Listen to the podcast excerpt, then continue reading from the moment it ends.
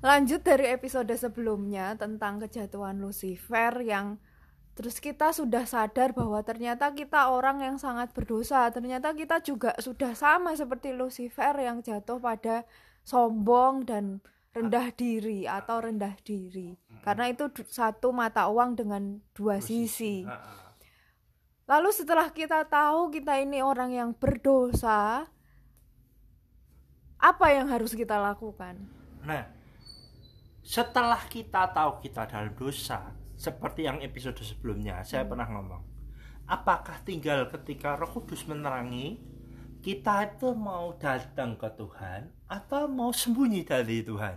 Kan gitu. ya Nah, untuk kita datang ke Tuhannya atau sembunyinya, lah itu perlu kita punya perubahan konsep yang mendasar.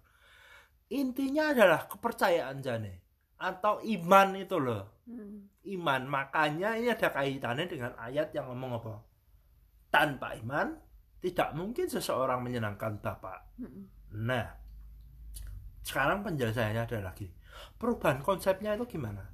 Perubahan konsep seperti yang saya pada pernah ngomong bahwa perubahan konsep bahwa apa? Tuhan itu nerangi membuat sebenarnya bukan membuat kita malu sih mungkin tidak tepat tapi otomatis ya ada terang kita itu sedang berdosa kotor mesti malu itu gitu bukan Tuhan membuat malu loh Mm-mm. tapi kita mesti malu ketika Roh Kudus menerangi Tuhan yang adalah terang. Lah nek Tuhan datang ucuk ucuk ucuk ada terang. Ya kita jelas mesti malu toh. Ya. Nah, ini kita perlu ber- untuk datang ke Tuhan itu kita perlu perlu berubah konsep antara Tuhan menghukum eh tidak menghukum sebenarnya. Tuhan tidak menghukum, tetapi Tuhan itu ingin menolong kita. Tapi bukankah setiap dosa itu ada konsekuensi? Ah, di buku itu diomong. Nah, Jadi penjelasannya gini. Penjelasannya gini. Jadi ketika Bapak melihat dosa, Bapak itu sebenarnya tidak menghukum. Itu ini mungkin agak susah ya. Hmm. Agak susah memang. Saya sendiri ya belum jujur belum se- se- se- sangat paham soal ini, tapi di situ dikatakan bahwa ketika Bapak melihat dosa, Bapak itu tidak menghukum manusia Mm. itu sudah terhukum konsepnya ngono itu konsepnya begitu Mhm.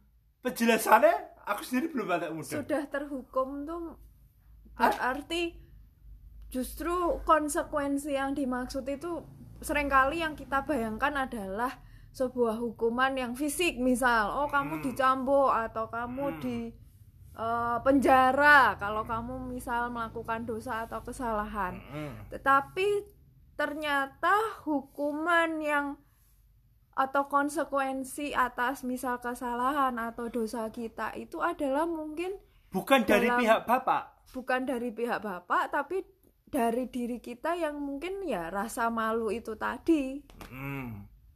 bisa gitu Mm-mm. salah satu penjelasannya bisa gitu Nah, sekarang kan yang menjadi kuncinya adalah bagaimana kita tetap bisa tet, bukan tetap bisa bisa percaya bahwa sekalipun Tuhan menghukum atau Tuhan sebenarnya tidak menghukum, kitanya aja yang merasa dihukum. betul. Tetapi kita tetap percaya bahwa Tuhan, Tuhan itu, itu datang, itu datang. untuk nolong.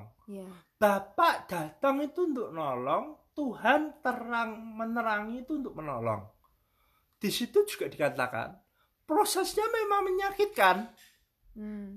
menyakitkan memang ekstrimnya secara karena ya ekstrim. malu itu tadi Heeh, ekstrimnya seperti nek bayangannya kesalahanmu itu di hadapan dia misalnya seseorang yang sudah terkenal Diumumkan. diumumkan secara umum si X begini begini begitu mencuri membunuh berzina dan lain-lain bohong iri sombong rendah diri malu kan Hmm. Nah, itu prosesnya memang menyakitkan. Tetapi di situ dia ngomong begini. Tapi nanti kalau pun men- menye- rasa menyakitkan itu sudah selesai, Mm-mm. rasa eh, maksudnya rasa sakitnya itu sebanding Hmm. dengan kemerdekaan damai sejahtera yang akan diperoleh. ya Nah, ngono. ya itu poin penting itu jadi sering kali kita hanya berhenti di tahapan oh aku orang berdosa aku layak dihukum Mm-mm. dan itu sakit gitu Ah. nggak terima kenapa Mm-mm. aku harus dihukum Mm-mm. tetapi jangan berhenti di situ Mm-mm. langkah iman kita adalah percaya bahwa rasa sakit itu nanti akan menjadi se- membawa kita pada kemerdekaan di dalam Tuhan. Dan itu mem tapi sekali lagi itu butuh proses. Hmm. Jadi contohnya ingin contoh butuh proses itu gampangannya secara mendasar secara mendasar tuh loh. Kita mempercayai orang lain itu kan butuh proses. Iya, Nah prosesnya kira-kira begitu. iya. sama seperti kita untuk percaya Tuhan bahwa Tuhan tidak menghukum. hukum tapi Tuhan itu datang untuk menolong. Hmm, Itu butuh proses. iya. Butuh banyak pengalaman dan lain sebagainya. Hmm. Ya.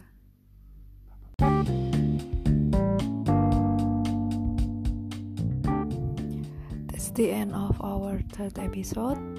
I hope you get your answer and enjoy your week. See you.